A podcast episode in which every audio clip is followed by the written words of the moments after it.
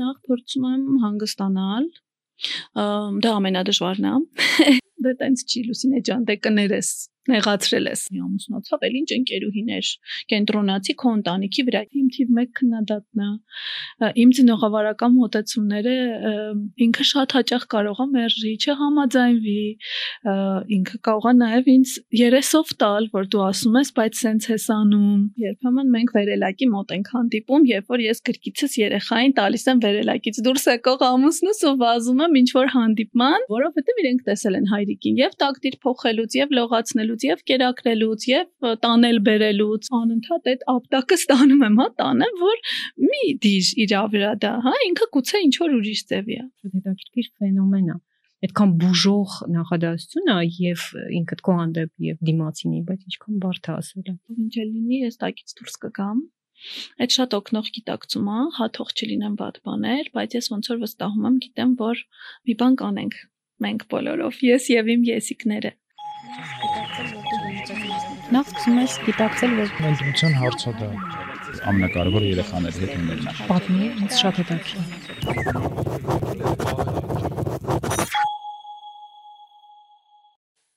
Լիսնեջան, բարև։ Ողջույն։ Այսօր մենք քեզ կներկայացնենք ոչ միայն հոգեբան, հոգեթերապևտ, դասընթացավար եւ իհարկե օբյեկտիվորեն, որ մի կողմ դրած իմ սուբյեկտիվ կարծիքը լավագույններից մեկը Հայաստանում, այսօր դա այստեղ ես որպես Արնոյի եւ Նոյի մայրիկ։ Եվ մեր հարցերը հիմնական հենց ուղղելու ենք քեզ որպես ծնող։ Իհարկե անխուսափելի կլինի մոռանալ անverջ, որ դու հոգեբան ծնող ես եւ այ այստեղ է շատ հետաքրքիր բաներ մեզ սպասում հուսով եմ այսօրվա զրույցի ընթացքում։ Եվ հենց կուզեմ սկսեմ դրանով անընդհատ մտածում եմ ինքս լինելով հոգեբան, բայց ոչ պրակտիկ հոգեբան։ Դրա համար անընդհատ մտածում եմ պրակտիկ հոգեբանները որպես ծնող ինչպիսին են եւ այսպես ասեմ, հա, այդ այդ անգլերեն մի հատ բառ կա կներեք անգլերեն համար how it feels լինել հոգեբան եւ լինել մամա Շնորհակալ եմ նախ ջերմ խոսքերի համար։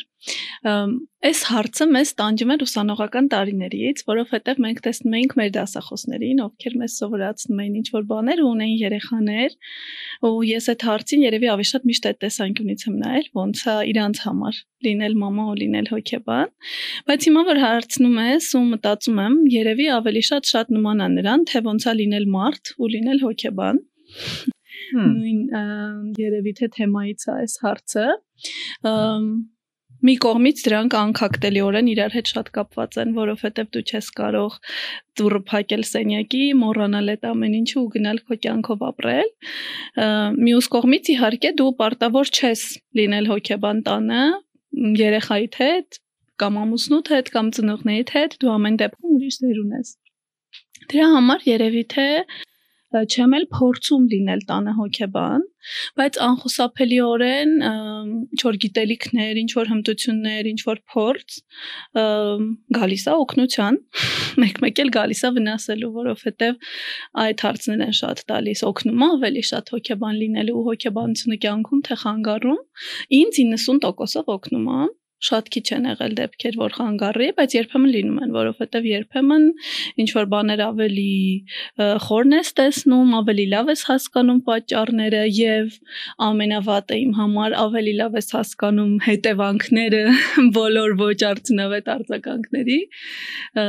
եւ դրա արդյունքում երբեմն ինքդ քեզ այդքան լավ չես զգում բայց ընդհանուր առմամբ երևի թե լինել հոգեբան մաման նույնն է ինչ լինել ուղակի մամա, ով ունի նաև գիտելիքներ շատ հոգեբանությունից։ Ահա ունես շատ գիտելիքներ, որովհետև ինքդ օգնում ես հարյուրավոր, որ հազարավոր մայրերի, հայրերի լինել գիտակից ծնող լինել, երջանիկ ծնող, հա, լինել դրական ծնող, ծնողավարական մոտեցումներում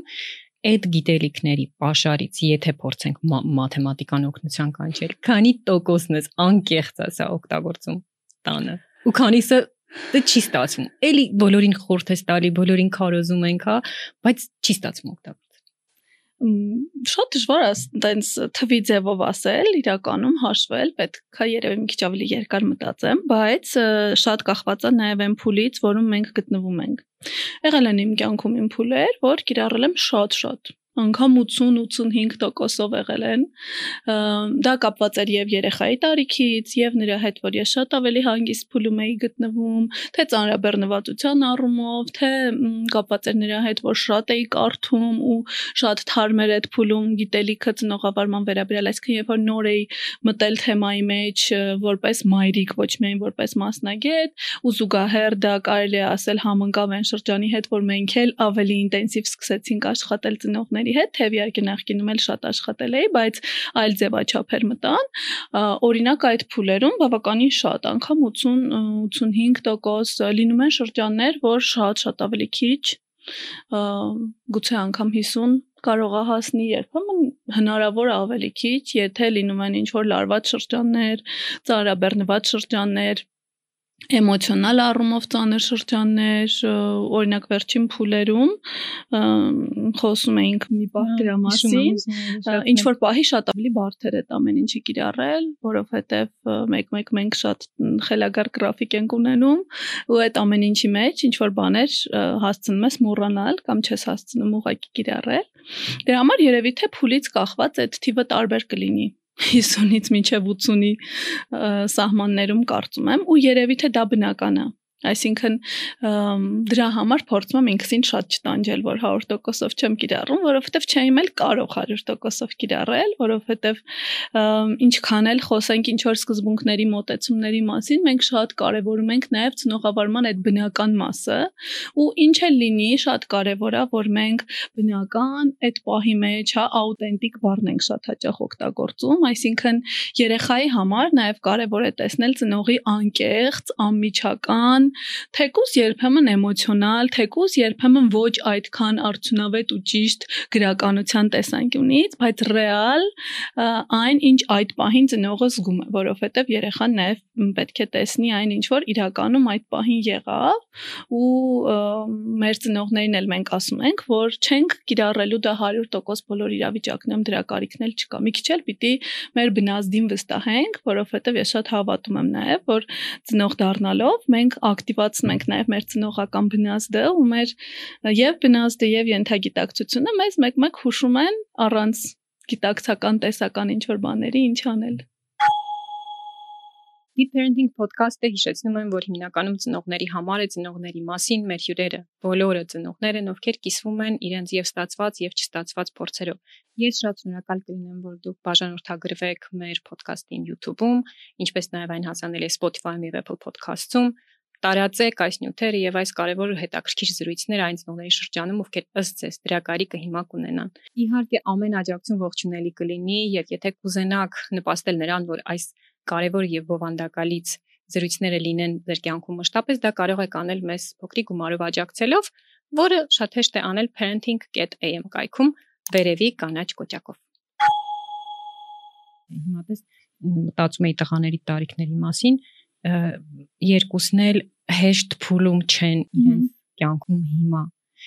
ու շատ հիշում եմ մի օր էսպես անկեղծ ասեցիր ու սա ուզում եմ շեշտեմ որ հանկարծ չլինի պատկերացում որ հոգեբանների մոտ ամեն ինչ կատարյալ է էլի էս լավ առումով եմ ասում նորմալ է մենք էլ մարդ ենք հոգեբաններն էլ մարդ են ոնց է լուսինեն հաղթահարում այդ այ կամ կարող ես մի իրավիճակ պատմել, երբ Լուսինեն մայր հոգեբան Լուսինեն կատարյալ չէր ու երեխեքը տեսան իր աուտենտիկ այդ վիճակը անկամ եմ շատ եթե կհիշես ինչ որ վերջին մի օրինակ, երբ օրինակ, չգիտեմ, օրինակ եմ ասում, գուցե այդպես չի եղել, պորտկացիր, այ հետո ինչ եղավ, ինչ տեսան բարիկները կամ դու ոնց դրա տակից դուրս եկար, երբ դու այդ պահին աուտենտիկ ես, բայց ճիշտ ճիշտ ճակերտավոր, հա, ճիշտ ծնող ես։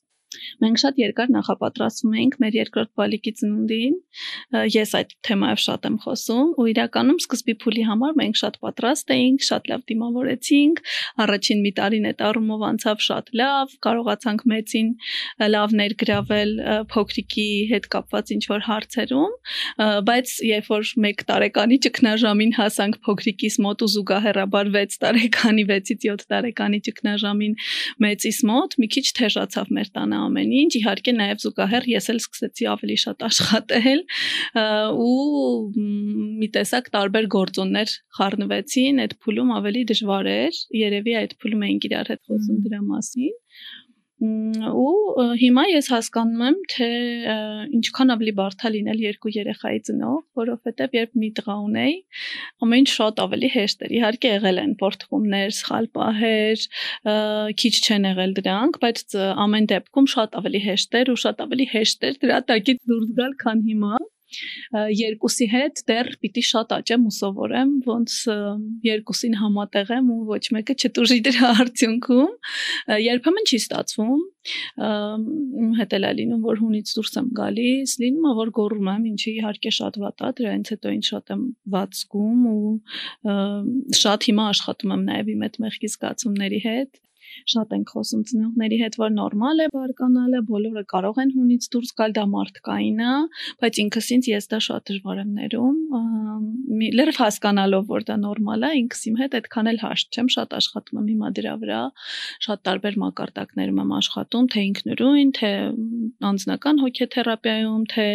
ինչ որ խմբերում եւ այլն, հա, դա բոլոր ֆորմատները օգտագործում եմ ինքս իմ վրա աշխատելու համար, լինում են այդպիսի պահեր, ինչ եմ փորձում անել Հա, օրինակ դες դա օրինակ բերեցիր։ Դու ձայնը բարձրացրեցիր, բղավեցիր, գոռացիր։ Ուղղակի որտեվ չդիմացար, մա երեխեքը կարողանում են անեն այնց, որ մենք բայտակ չդիմանենք։ Ինչ ինչ ես անում հետո։ Ինչ եմ անում հետո, նախ փորձում եմ հանգստանալ, դա ամենադժվարն է այս պահին իմ համար, որովհետև երբ որ ջղայնանում ես, մեկ-մեկ ինչ որ ցիկլի մեջ ես ընկնում։ Ես եթե շատ եմ ջղայնանում, ես էլ եմ ինչ որ ցիկլի մեջ ընկնում, որ ուզում եմ այդ ջղայնությունը ջղայն ձևով արտահայտել։ Դրա համար ամենակարևորը փորձում եմ այդ ցիկլից ինքս ինձ հանեմ դուրս եմ գալիս կամ ինչ որ ամուսնուս օգնությանն եմ դիմում, որ իրա վրա վերցնի այդ պահին երեխաներին, ջղայն ջղայն ինչ որ գործով եմ զբաղվում, միջև որ հանգստանամ, հանգստանալուց հետո փորձում կապը հետ վերադարձնեմ երեխայի հետ հիմնական դա մեծիս հետ է այս պահին տեղի ունենում փոքրիկի փոքրիկը դեռ մեզ կարողանում է հունից չհանել դեռ դիվանում ենք հունից դեռ այդ համոբությունները թույլ չեն տալիս որ հունից դուրս գանք իր հետ փորձում կապը վերականգնել ու սկսում աշխատել այդ ուղությամբ խոսում եմ իր հետ բացատրում եմ ինչ եղավ, ինչու եղավ, իմ զգացողությունների մասին եմ ասում, որ շատ ափսոսում եմ, որ այդպես արձագանքեցի, բայց նաև ինչ որ առումով իրենից էլ եմ, հա, ներկայացնում, որ ակնկալում եմ, որ ինքն էլ իր իր մասով ինչ որ պատասխանատվություն վերցնի նրա համար ինչ որ եղավ, որովհետև ամեն դեպքում հազվադեպ ալինում, որ ես իր վրա չէի բարկացած ուղակի թափեցի դա իր վրա, կարող է լինի, բայց դա ավելի հազվադեպ հիմնականում ինքը ինչ որ ձևով նպաստել էր դրան, դրա համար արարքի մասին ենք նաև բավականին երկար խոսում։ Երբեմն երեխան ինքն էլ աջղայնացած լինում, դա էլ ավելի աջղայնացնում։ Եթե ես հանդարտվեցի, հաջորդը սկսում եմ աշխատել, որ ինքը հանդարտվի։ Ինչքան էլ տարօրինակա, բայց հաճախ գնում եմ ուղակի գրկում եմ, մենք սենց մատիկի շարժում ունենք, որ երբ որ մեկը սխալ է անում, մյուսը արդեն պատրաստ է բարիշելուն, մատիկը բերում է, ցույց է տալիս, ասելով, որ արի բարիշենք, գնում եմ, սկսում եմ մատիկը որոնել, մեկ-մեկ ինքը ինձ մերժում է ու հասկանում եմ, որ դե տենց չի Լուսինե ջան, դե կներես նեղացրել ես։ Հիմա պետք է նստես սպասես, ճկույտ մկույտ ես պահին։ Բայց շատ հետաքրքիր ռիտուալ ասացիր, այսինքն զայրույթի եւ բարիշելու զայրույթից դեպի բարիշ վիճակ, այսինքն բարիշած վիճակ անցնելու կարելի է ինչ-որ փոքրիկ ռիտուալ մտածել լինի, պես հպում ան կամ ինչ որ կոնտակտ։ Հա, մենք ոնց որ այդ ձևով իրար ցույց ենք տալիս, որ ես արդեն պատրաստ եմ կոնտակտի գնալ։ Ես իմ էությամբ այնպեսի մարդ եմ, որ ես շատ հեշտ կարող եմ ջղայնանալ, ոչ ոչ աշխատանքի մեջ, անձնական հարցերով աշխատանքի մեջ ես չեմ ջղայնանում գրեթե երբեք։ Ուսանողների հետ կարող է հազվադեպ լինել, բայց այցելուների հետ խմբերում այդպես գործնականում չի լինում, բայց անձնական հարցում կարող եմ հեշտ ջղայնանալ, դա արդեն խառնվածքի մասին է բայց ես նաև շատ արագ դուրս եմ գալիս այդ վիճակից, այսինքն ես չեմ կարող մի ամբողջ օր ջղայնացած մնալ կամ նեղացած մնալ կամ չխոսալ, հիմնական ինչ որ րոպեներ են դրանք իմ մոտ տևում ու կապի վերագտման մասով երևի թե այստեղ շատ կարևոր կլինի աշխատել, չմոռանանք նաև ասել, որ միշտ կարող ենք ներողություն խնդրել եւ երևի թե դա էլ ամոթ չէ, ընդհանրապես ամոթ չէ։ Հեշտ է ներողություն խնդրելը քեզ։ Իմ համար այո, Ես ոչ մի խնդիր այդտեղ չեմ տեսնում։ Երբեք չեմ ունեցել այդ կոմպլեքսը, որ եթե ես ներողություն խնդրեմ, ուրեմն ես ինչ որ մի բան դրանից կկորցնեմ, չէ, ես գիտեմ, որ առհասարակ առհասարակ գնես ընդհատեցի առհասարակ ներողություն խնդրելը բարդ է մարդկանց մոտ։ Երեխայից, այսինքն փոքրից ներողություն խնդրելը հաճախ ավելի էսպես մի բարդ իրավիճակի մեջ ես հոգեկանամ։ Դու հա, դու հասկանում ես գիտակցաբար, որ լրիվ նորմալ է գնալ ասել կներես ջամը ջված բան չկա հակառակ, դա հենց այդ հարթելու առաջին անգամ ինքդ քեզ, հա, ինքդ քո հանդեպ վերաբերմունքի փոփոխության առաջին քանի ասես կներես ինչ որ բան են չարեցի, ինչ որ բան սխալ արեցի։ Բայց հաճախ երեխեքը բարդություն ունեն անգամ կներես ասելու ես այսինքն միայն մենք չի որ բարձր այնքան կան դեպքեր որ ստիպում են ծնողները հատկապես արևմտյան մշակույթում ծնողավարության շատ երկար տարիներ հիմա արդեն հետ են կանգնում դրանից կարծես գնում ասում են ներողություն խնդրի ասա որ կներես այդ այդ բառը արտաբերել այդ կարծես բռնություն լինի երեխեքի նկատմամբ չէ այսինքն իրանց էլ է դա շատ հետաքրքիր ֆենոմեն է այդքան բուժող նախադասությունը եւ ինքդ քո հանդեպ եւ դիմացինի, բայց ինչքան բարդ է ասելը։ Քեզ դա հեշտ է, իսկ իսկ երեխային երեխաներին ոնց է փոխանցում այդ ներողության մշակույթը, ներողություն խնդրելու։ Ես կարծում եմ, որ հարցը բարի մեջ չի մենք կարող ենք անգամ այդ բառը չասել, թեև ես անձամբ այդ բառը ասելու հետ խնդիր չունեմ, հաճախ ասում եմ ներողություն, կներես, սխալ արեցի, դա կարող ենք տարբեր ձևերով ասել։ Ես հասկանում եմ, որ այդպես չպետք է անեի եւ այլն, բայց երևի թե եթե մարդու համար, ծնողի համար կամ երեխայի համար դժվար է դա բառի ձևով ասելը, մենք կարող ենք այլ ձևով ասել։ Երբ որ մենք մատիկը ցույց ենք տալիս, արի բարիշ ենք դա, երբ որ մենք ուղակի գնում գրկում ենք շատ հաճախ, ես հենց այդ պահին, որ տեսնում եմ ինքը շատ ջղայնացած է, ուղակի գրկում եմ, որովհետեւ որովհետև հասկանում եմ, որ այդ պահին ինքը կարիք ունի հասկացված լինելու ջերմության, որովհետև ինքն էլ է ցիկլի մեջ ու ինչ որ մի էմոցիայով է ցիկլի զայրացած է, տենց վատը, տենց փշոտը, բայց հանկարծ քեզ ինչ որ մեկ ընդունում։ Ինչքան էլ փշոտ լինես, միևնույնն է սիրում եմ։ Դա կարող է ինչ որ արարքի ձևով լինի, հա, երբեմն մենք թեկուզ մեծահասակներով իրար նեղացրել ենք, չենք ասում կներես, բայց սուրճ ենք դնում իր համար օրինակ կամ ինչ որ մի ժեստ ենք անում իր համար, ծաղիկ ենք նվիրում կամ պարզապես ինչ որ այլ լավ բան ենք ասում, օրինակ այսօր շատ սիրուն ես, չէ՞ որ նույն ամուսիններն էլ իրար կարող են նեղացնել, պարտադիր չի որ հետո գնան ասեն կներես, բայց կարող է մի հատ այնպես նայեն իրար, որ այդ հայացքից էլ իրենք հասկանան, որ ես ափսոսեցի։ Հետաքրքիր է շատ, այսինքն պետք չի ընկնել բարի հետևից։ Եթե բարը իսկապես դժվար է ասել զուգընկերոջը, ընկերոջը, ղեկավարին եւ առավել եւս երեխային, հաստատ կարելի է գտնել մեթոդներ։ Պետք չի մերժել այդ մեթոդը զուտ նրա համար, որ այդ բառը դժվար է ասելը։ Պետք է մեթոդը փոխել էությունը պահելով։ Եթե ձեզ դժվար է ասել բառը, ուղղակի այլ ձևով դա ցույց տվեք ու նույնը ուզում եի բերել երեխաների մասով։ Մենք կարիք չունենք ստիպելու երեխային ասել ներողություն։ Մենք կարիք ունենք օգնելու երեխային գիտակցել, որ իր արարքը մենք համարեցինք սխալ Կարիք ունենք օգնելու երեխային մտածել իր արարքի շուրջ ու մտածել ինչքանով դա տեղին էր եւ այլն։ Հետևաբար, հա մենք կարող ենք ուժով հասնել նրան, որ ինքը ասի ներողություն բառը, Բայց եթե ինքը դա չի զգում, դա 0 ազդեցություն կունենա։ Եթե մենք օգնենք երեխային հասկանալ, ինքը գուցե ներողությունը չասի, բայց գա մեզ գրկի։ Բայց մեր համար մի հատ ծաղիկ նկարի բայց հաջորդ օրը մանկապարտեզում մեր մասին ինչ որ լավ բան պատմի, բայց դրսից ինչ որ միջատիկ գտնի ու ասի մամայիս մամայիս համար եմ ես միջատը օրինակ տանում, այսինքն էլի հարցը ֆորմալ բարերի մասին չէ, այո, կարևոր է օգնել երեխային հասկանալ իր արարքը, չեմ ուզում ասել իր սխալը, որտեվ դա մեր ընկալումն է, որ ինքը սխալ է, գուցե իր ընկալմամբ ինքը սխալ չէ, բայց մեր դերն է օգնել իրեն մտածել դրա մասին, առնվազն որ մենք դա չենք համարում ճիշտ եւ ինչու, բայց դա հեչ կարիք չունենք անելու հենց այդ բառի միջոցով։ Եթե կասի, լավ, եթե չի ասի, ուրիշ ձև կգտնենք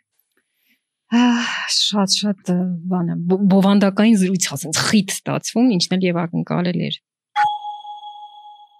Deep Parenting podcast-ի գործընկերն է Libra հոգեբանական աջակցության կենտրոնը։ Libra-ի մասնագետներին ես շատ սիրում եմ, վստահում եմ, որովհետև նրանք իրենց գործի պրոֆեսիոնալներն են, որովհետև միշտ եւ վստահաբար կարող են ձեզ օգնել երկու հարցում գտնել թե ինչը այն չի ձեր կյանքում այս փուլում եւ թե ինչպես դուք ինքներդ կարող եք հաղթահարել այդ խնդիրները։ Ինձ օգնում են Libra-ի մասնագետները միշտ նախապատրաստվել այս ոդկասթին, ինչի համար նրանց շատ շնորհակալ եմ։ Libra-ի մասնագետները աշխատում են Երևանի Կոմիտաս 12 հասցեում գտնվող կենտրոնում ինչպես նաև իրականացնում են արցանց խորհրդատվություններ։ Ասացիր, որ օգնության ես կանչում Զոհրաբին, ամուսնուդ։ Ինձ համար ունիկալ ուղակի մի մի փորձառություն է հետևել թե ինչպես եք դուք ամուսիններով կիսել տան հոգսերը, պարտականությունները, երեխաների դասիրակության վերաբերյալ հոգսեր, պարտական։ Այդ ուղակի ֆենո ես պիտի պատմեմ։ Այսինքն այն վիճակն է, որ ժոպերոպե գրված է օրինակ մի ծնողը մի երեխային վերցնում է այնպես, որ երեխան car seat-ի մեջ քնի, ինչև իրան գնան մյուսին լողից վերցնեն, հետ գան, ինչև մի ծնողը աշխատանքը ավարտվի, հետո տեղերով փոխվեն, այն մի ծնողն ստի մեքենայի մեջ գնան տուն, իսկ այն մյուս ծնողը գնա իր գործին։ Ու այսպես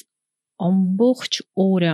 անդադար, այսպես շատ sense գիտես այն ժամացույցի մեխանիզմի նման տպավորություն կա ու ես երկրորդ նման օրինակը չունեմ, աջակցող ամուսիններ շատ շատ ունեմ, տեսել եմ Փարքաստո, բայց այսպիսի բան նալաժնի բարելի անդադ գնում եմ ուրիշ օտար լեզների չեմ տեսել։ Դա հեշտ է, ո՞նց է դա, ո՞նց եք դրան հասել, ինչի՞ց է պես սկսել, որ մեր մոդելը տենց լինի։ Դա հեշտ չի դա ունի շատ մեծ գին գինը նրա մասին է, որ երբեմն դա շատ ուժեղ լարվածություն է առաջացնում, լարվածության ֆոնին ինչ որ խոսակցություններ երբեմն եւ իհարկե ահա որ շատ էներգիա տանում երբեմն եւ նաեւ պլանավորման վրա բավականին լուրջ ժամանակ ենք մենք ծախսում։ Ինձ համար ամեն օգոստոսի վերջ մի փոքր ստրեսային շրջան է, որովհետեւ ես հասկանում եմ, որ պետք է դասավորենք արդեն 4 մարդու գրաֆիկ այնպես, որ ոչ մեկ սոված չմնա, ոչ մեկ դրսում չմնա, բոլորը կարողանան աշխատել, խմբակի գնալ, դպրոց, մանկապարտեզ եւ այլն։ Ոչ մեկ լրացում անեմ առանց ծնողի ուշադրության ու հոգացության չմնա փորձում ենք։ Ինչպես դրան հասանք, երևի թե ես այդպես եմ պատկերացրել իմ կյանքը միշտ թեև երկուսս էլ տանը չենք ունեցել այդ մոդելները ու այստեղ մի քիչ պետք է գովամասեմ, որի պատիվ իմ ամուսնու ինքը շատ բաց էր, որ մենք իրար հետ փորձենք որպես թիմ սրա միջով անցնել ու վերջերս մենք իրար հետ խոսում էինք նրա մասին, որ ինչ որ առումով մեր սերունդը այս հարցում Հայաստանում մի քիչ հեղափոխական է, որովհետև մենք չենք տեսել այդ հավասար, այսպես ասած, թեև դա մի քիչ ճակերտն եմ ասում, հավասար ծնողավար սոցիալական մոդելը մեր ծնողների կողմից, բայց մենք դա փորձում ենք հիմա կիրառել ու հա, մեր տղաները երևի թե այդ հարցը շատ ավելի դյուրին իրենց համար կլինի։ Իրենց կանանց արդեն հեշտ կլինի։ Այո, որովհետև իրենք տեսել են հայրիկին եւ տակտիր փոխելուց եւ լողացնելուց եւ կերակրելուց եւ տանել բերելուց եւ փոշեկուլ անելուց եւ այլն եւ այլն։ Բնականաբար մենք իդեալական չենք, բնականաբար կան ինչ որ բաներ, որոնք ես շատ ավելի շատ եմ անում, քան գուցե ամուսինս եւ եւ երևի թե դա էլ մեր ընտրության արդյունքն է, բայց կոնկրետ երեխաների մասով վերջին 6.5 տարին փորձում ենք ուղակի իրար օգնել որպես թիմ, երբ որ շատ լարված ենք լինում։ Ես ինձ հիշացնում եմ, որ մենք երկուսով թիմ ենք։ Մենք ունենք մարդիկ, ովքեր մեզ շատ են սիրում, բայց հանգամանքների բերումով շատ մեզ իրենք չեն կարողանում օգնել։ Ու մենք բարբերաբար այդ հարցը քննարկում ենք, մենք երկուսով ենք սա անում, թե մենք դայակի կարիք ունենք ու երբ որ քննարկում ենք, որոշում ենք, որ երկուսով ենք ուզում անել։ Իհարկե ես հասկանում եմ բոլոր ընտանիքները այդպես չեն կարող անել, ես չեմ ասում մենք օրինակ ենք, որովհետև մենք երկուսս ունենք մի փոքր ճկուն գրաֆիկ, այսքան քանի որ հիմնականում ամուսինս դասավանդում է, ես էլ դասավանդում եմ եւ այցելուների ու խմբերի հետ եմ աշխատում, մենք կարող ենք դա մեզ թույլ տալ, կան ընտանիքներ, ովքեր իրենց չեն կարող դա թույլ տալ, որովհետև օրինակ հայրիկը 9-ից 10-ը ասենք թե երեկոյան աշխատանքի է, մեզ օգնում է թիմի գաղափարը Ես չեմ համարում, որ Զոհրաբը ինձ օգնում է մեծացնել մեր երեխաներին։ Մենք համատեղ երեխաներ ունենք եւ մենք համատեղ ուժերով երեխաներին մեծացնում ենք։ Լինում են օրեր, որ ինքն է շատ լինում երեխաների հետ, լինում են օրեր, որ ես եմ շատ ավելի բաներ ունենում, բայց դա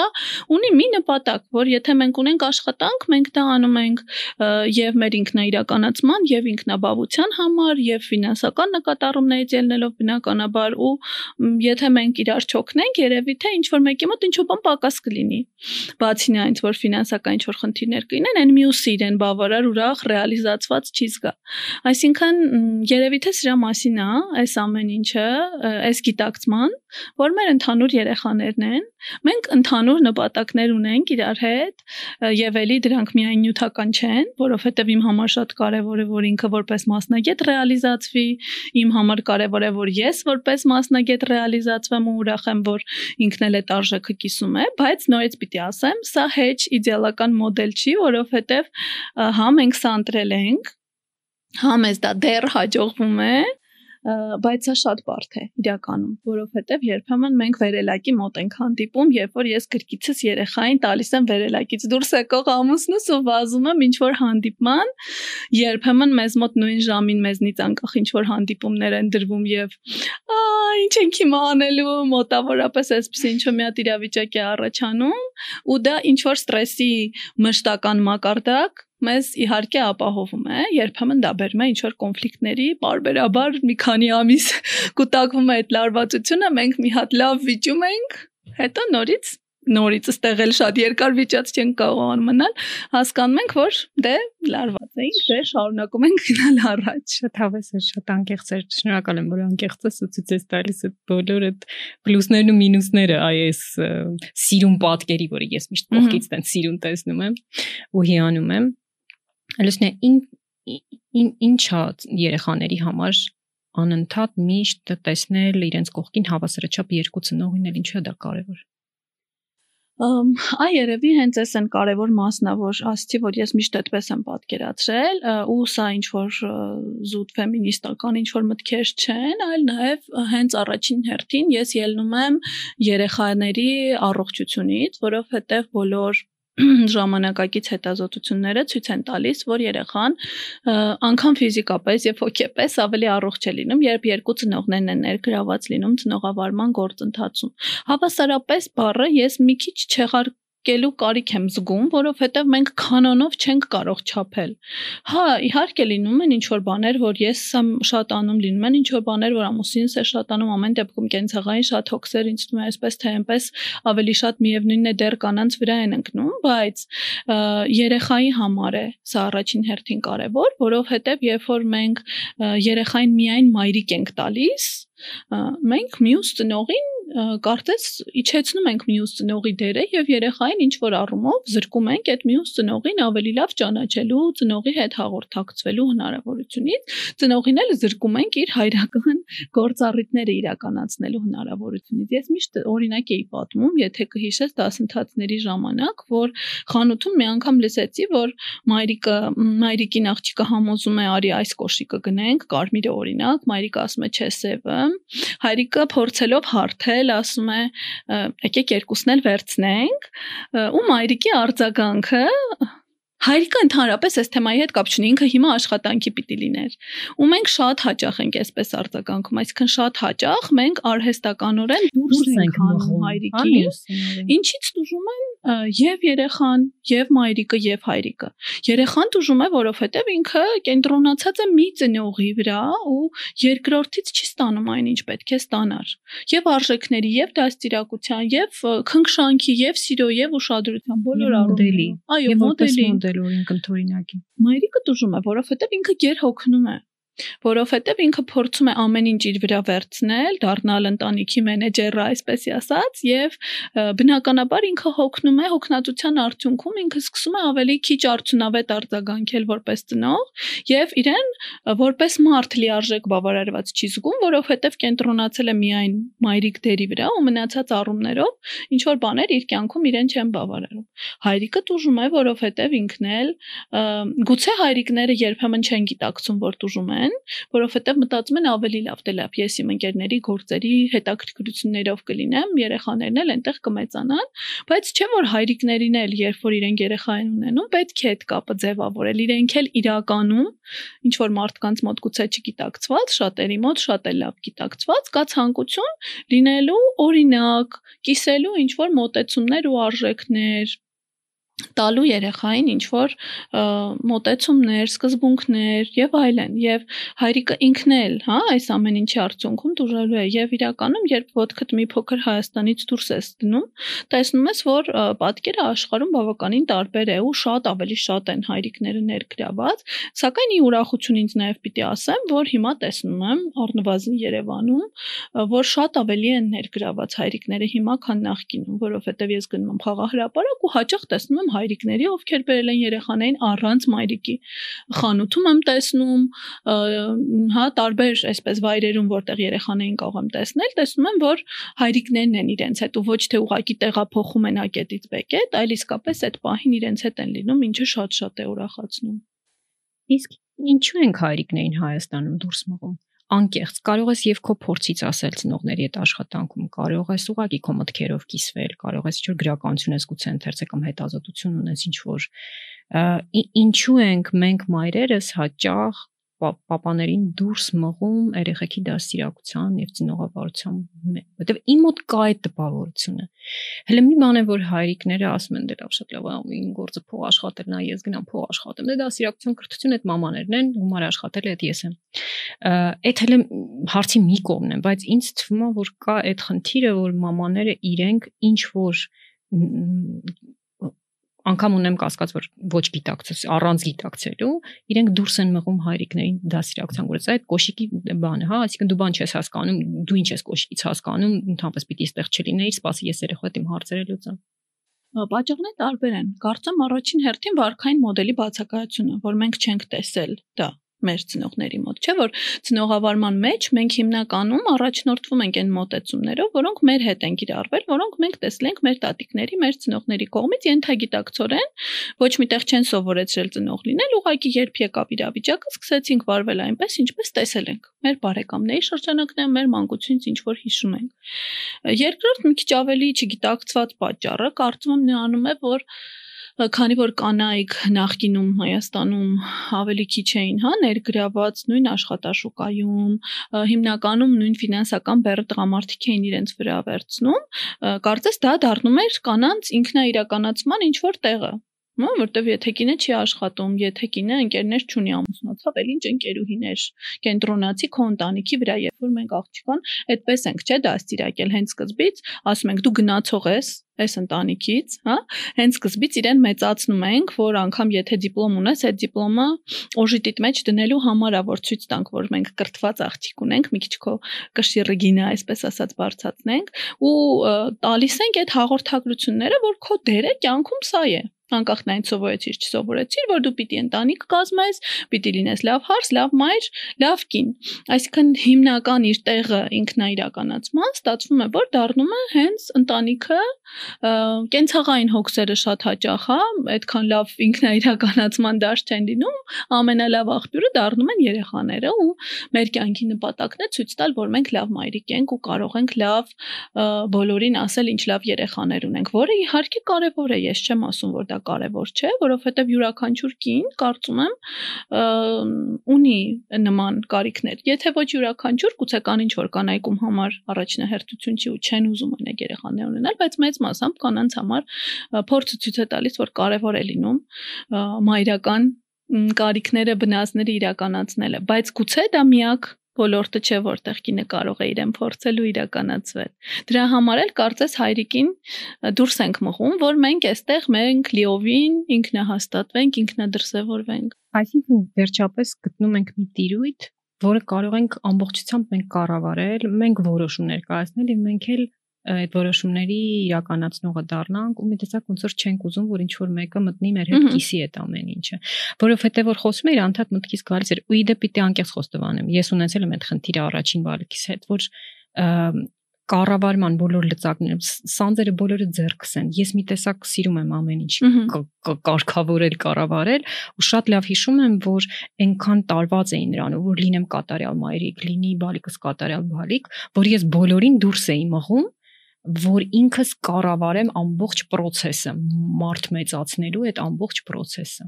Նաև այդ այդ բանը կա թե չէ, որ մենք կառավարենք, ինքներս լինենք տերը process-ը։ Կարծում եմ այդ հենց իմ ասացի շարունակությունն է։ Գիտես մի բան էլ կա։ Հուսամ ինձ սխալ չեն հասկանա, կանանց հաճախ հանգարում են հենց կանայք այս հարցերում նույն հայրիկների ներգրավման հարցերում այն նկատի ունեմ որ օրինակ երբ որ կինը երիտասարդ փորձում է հայրիկին ներգրավել հաճախ ինքը հենց կանանց կողմից է վատ ազդակներ ստանում ինչու է իրեն տանում ծննդաբերության ինչու պետք է ինքը պամպերս փոխի բամոց չի դու թողել ես իրան պապայի մոտ ես թողել երեխուն եկել հա մենք քանի որ օրինակ դու գիտես մարզերում էինք աշխատում ընտանիքով գնում էինք մարզերում դասընթացի ժամանակ որ հարցում էին իսկ ուր են ձեր երեխաները ասում են ամուսնուս մոտ են ոնց թողել եք ամուսնու մոտ երեխային այսինքն մեր համար դրանք շատ խորթ են երբեմն եւ խորթ լինելու պատճառով մենք ինքներս սկսում ենք մյուս կանանց ինչ որ առումով խոչընդոտել որովհետեւ տալով բացասական արձագանք գուցե ինչ որ կանանց դա սկսում է հետ պահել որ լավ ուրեմն երևի ես ինչ որ բան սխալ եմ անում գուցե չպետք է այդպես անեմ բայց երբ որ մենք հասկանանք որ դրա մեջ ոչ մի վատ բան չկա Եվ դրանով մենք չենք դադարում լինել լավ մայրիկ, կարևոր մայրիկ։ Ուղղակի մենք չենք զրկում երեխային հայրիկ ունենալու հնարավորությունից ու չենք զրկում մեր երեխաների հայրիկներին հայրիկ լինելու հնարավորությունից, մեզ էլ չենք զրկում ուրիշ ինչ-որ բաներով զբաղվելու հնարավորությունից։ Երբ որ այս գիտակցումը ունենանք, կարծում եմ միայն ու միայն իրար կօգնենք մի անկեղծ բան անդադ մտքովս պատտվում դու իհարկե երկու զավակների երկու տղաների մայր ես բայց շատ པարզ էսպես մի հատ բաների հիշեցի, որ մեր այս օրիենտալ հասարակություններում չեմ կարծում թե թե միայն մեր խնդիրն է, անգամ չեմ վախենացել, որ գուցե շատ զարգացած երկրներում էլ այս հարցը կա։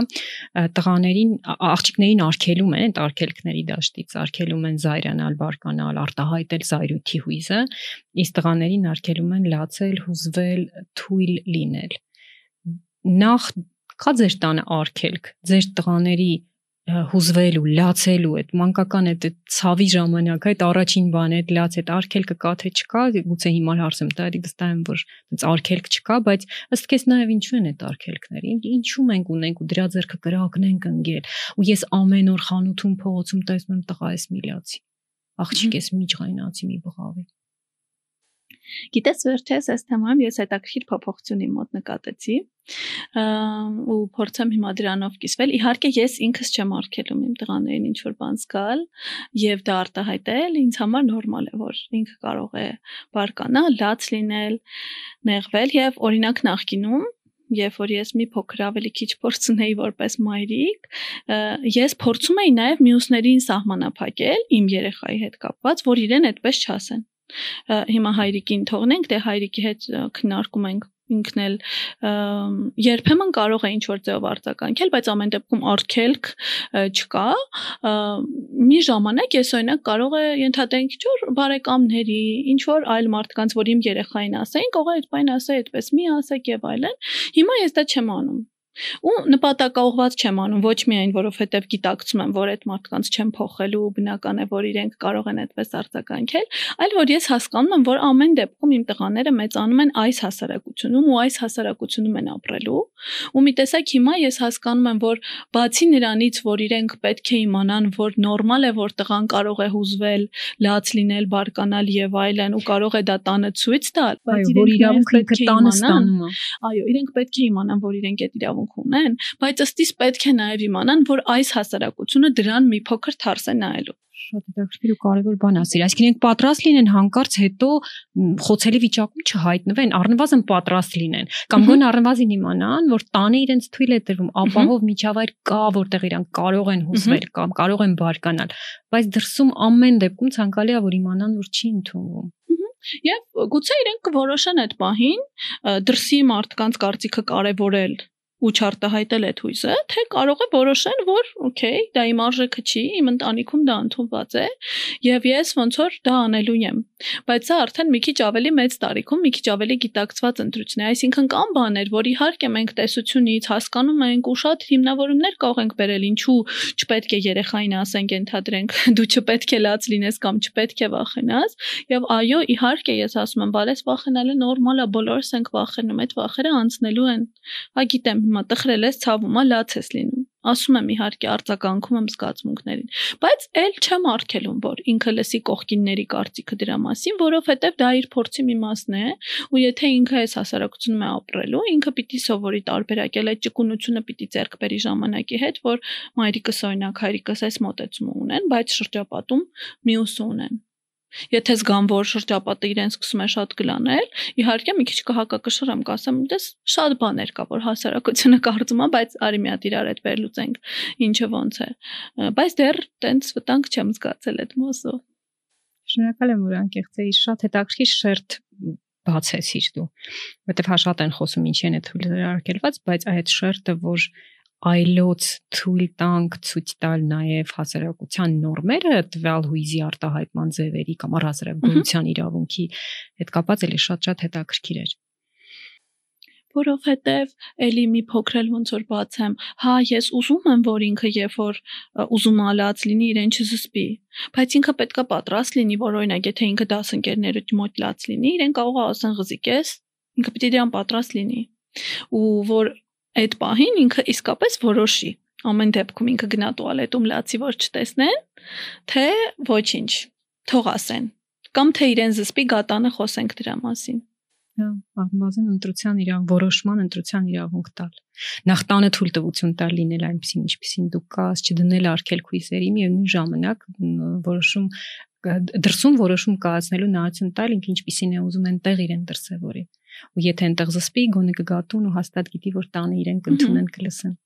Արնոն մեծը շատ հասուն տղա է դե նոյդը շատ փոքր է նույն միայն ուզում ենք ուտենք, կծմծենք, չեմ կարող ասել հասուն, թե վստահ եմ որ անխուսափելի են հասուն, բայց Արնոն շատ էսպես գիտես հասուն կազմակերպած ինքն իր էմոցիաների ու կարիքների հետ կապի մեջ երեխա է չափի մեջ ազատ, չափի մեջ գիտակից, հա, արդեն այդ բոլոր նախադրյալները շատ վաղուց արդեն կային, հիմա վերջին մի տարին ավելի քիչ եմ Արնոին տեսնում, բայց մի օր Արնոն ռադիոյում հյուրեր ինքը եւ ասաց մի շատ հետաքրքիր բան, գիտեմ, որ գիտես ինչն է, սա մելիսոնն։ Ուրեմն Արնոն վարում էր այդ հաղորդումը։ Հյուրեր հյուրեր հաղորդում։ հա, Արնան ռադիոյում հաղորդման հյուրեր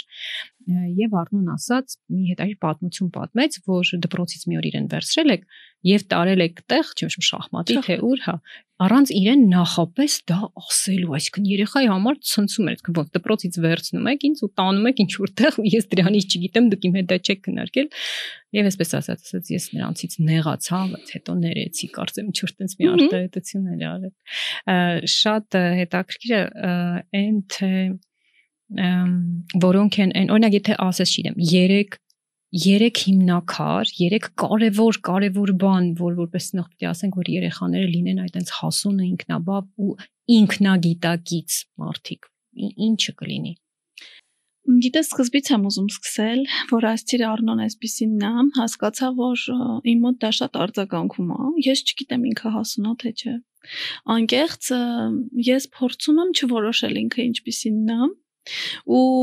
այդ հարցում ինձ շատ օգնում է դեպ ամուսինս, չնայած մեր մեջ հոգեբան ես եմ, բայց ինքն էլ շատ հերրուցի էս թեմաներից։ Մեր տանը մի տեսակ ինչ որ արգելք կա, որ եթե ես սկսում եմ ասել օրինակ Արնուն այսպեսին նա ենթադրենք, ամուսինս ինձ միշտ մի հատ հակափաստար կա բերում, դու որ էլ չդնենք այս գլխարկը երեխայի վրա։ Պիտակ, հա, մենք պիտակը դերը մենք դրա վրա շատ ենք աշխատում։ Գուցե դա քո հարցի կետերից մեկն է պատասխանի կետերից մեկն է։ Դեմ տպավորություններ, բնավ իհարկե կարող այդպես չի։ Ես դեմ չեմ։ Ուղղակի ոնց որ ստեղից քո հասածից հենց բխեց իմ առաջին երևի կետը, որ մենք փորձում ենք իրեն չդնենք ինչ որ մի հատ բանի մեջ, որ ինքը օրինակ ակտիվ է, թե ինքը пассив է, ինքը չար է, թե խելոք է, ինքը խելացի է, թե այդքան էլ չէ, հա մենք տեսնում ենք այդ պահին դրսևորվող ինչ որ վարքի ձևեր ու երբ որ ինձ սկսում են ասել Արնոն էսպիսին նա Արնոն այնպիսին նա ու հիմա փոքրից հետ եմ դա շատ սկսել անել ես ասում ես չգիտեմ ինքը ինչպիսին նա ու չեմ կարող կանխատեսել հաջորդ պահին ինչպիսին ինքը կարող է լինել ու լինում են որ ինքը ինձ զարմացնում է օրինակ ես տանում եմ իրեն ծանցյան միջոցառման մի անգամ ու ինքը մի անգամ այդ ինտեգրվում է բոլորի այդ խաղումը բայց կարող է լինի մի անգամ որ ինքը չուզի գա իմ կողքը աթորին նստի հետեւաբար երբ որ ես իր վրա դնում եմ այդ ընկերասերի օրինակի համար գլխարկը, որը իհարկե վատ գլխարկ չի, բայց ես մի տեսակ սկսում եմ իր վարքը սահմանափակել ու էլի անընդհատ այդ ապտակը ստանում եմ, հա, տանը, որ մի դիր իր վրա դա, հա, ինքը գուցե ինչ որ ուրիշ ձևի է։ Դե համար շատ սիրուն իհարկե բառեր ասեցիր ու ոնց որ ներսում իհարկե շատ շոյի չա տենց բան երևի լսել, բայց աշխատում ենք չդնել ինչ որ որ չտալ իրան ինչ որ բնութագիր, որ այսպեսին նա կամ կամ այնպեսին նա ռադիոյի հետ կապված ինչ էր եղել մենք եթե կարող ենք դա որպես սկզբունք վերցնել մենք նախապես ենք ամեն ինչի մասին խոսում երբեմն դա դժվարացնում է մեր գործը որովհետև օրինակ կարող էինք կես ժամ չծախսել միանգամից գնալ անալիզ հանձնելու տեղում մի քանի րոպե լացել գալ տուն բայց չէ մենք միջև գնալը մի կես ժամ նախապես տանը խոսում ենք որ գնալու ենք ծակելու են ինչու են ծակելու ինչ են նայելու այդ արյան մեջ հա ինչ ինչա լինելու ոչ իմանով չենք կաշառում դրա համար ուղղակի ասում ենք ինչա լինելու մի քիչ լացում է մի քիչ հակառակվում է նոր գնում ենք շախմատի մասին շատ շուտուանից խոսել էինք երեքով, որ ուզում ենք ինքը գնա շախմատի, ինքը ուզում էր եւ այլն, այսինքն դա ըստեյության պայմանավորված մի բան էր, բայց այնպես ստացվեց, որ բուն գնալը շատ արագ եղավ, որովհետեւ զանգեցինք ու ամսի 17-ները ասացին, որ միջև ամսի 15-ն է ընդունելությունը, եթե այս երկու օրը չբերեք,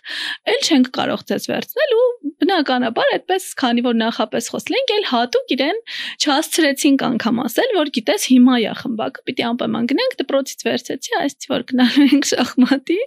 ու բարձվեց որ այո ինքը դրա հետ այդքան համաձայն չէր չնայած ուզում էր գնալ շախմատի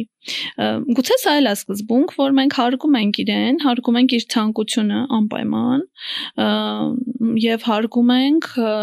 իր նախապես իմանալու դրան պատրաստ լինելու իրավունքը եւ իհարկե տալիս ենք ընտրության հնարավորություն թեև դա չի նշանակում որ որ օրը ինքը ասեց ես չեմ ուզում լողի գնալ իսկ այդպես մեր կյանքում շատ է լինում ինքը այդ օրը լողի չի գնա այսինքն հարգել հարցնել պատրաստել դեռ չի նշանակում միշտ անել ինչ ինքը ուզում է բայց նշանակում է առնվազն լսել ու փորձել հասկանալ ինչու է ասում այդ պահին չեմ ուզում գնալ լողի եթե դա ունի ինչ որ հիմնավորում դա հաշվի առնվում է ու կարող է այդ օրը լողի չգնանք, բայց եթե դա ուղակի ինչ որ հավես չունեմ, ալարում եմ մի փոքր, հա, այսօր դրա մասին է ունենք նաև ինչ որ պայմանավորվածություններ, որ եթե գնում ենք, օրինակ, այսքան ժամանակ պետք է գնանք։ Դրա համար մի քիչ երևի դժվար կլինի այսպես կետերով հստակ ասել, բայց ինչ ես կուզեի,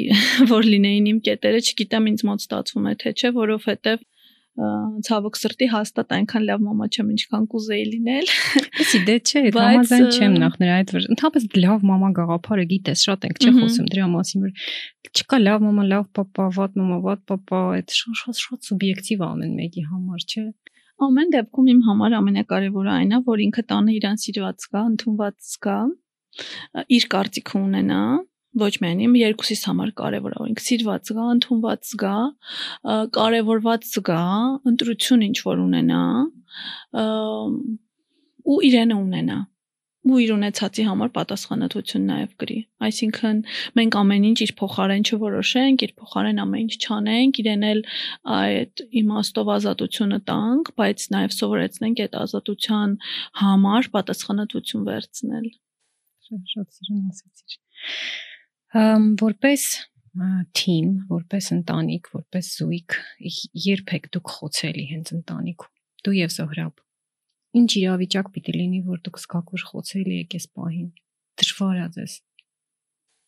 մենք շատ նման ենք իրար բարձում խարտվածքներով, չէ՞, տարբեր կյանքի տարբեր փուլերում ես դրա մասին տարբեր ձևով եմ մտածում, բայց այս պահին մտածում եմ, որ մի քիչ նման ենք խարտվածքներով, ելի եմ ասում անձնականում, որովհետև աշխատանքի մեջ ինքն էլ երբեք չի պորտկում, հարյուրավոր աշակերտներ ուսանողներ ունի, ոչ մեկ իրեն չի տեսել հաստատ, ոչ գոռալուց, ոչ բարկանալուց,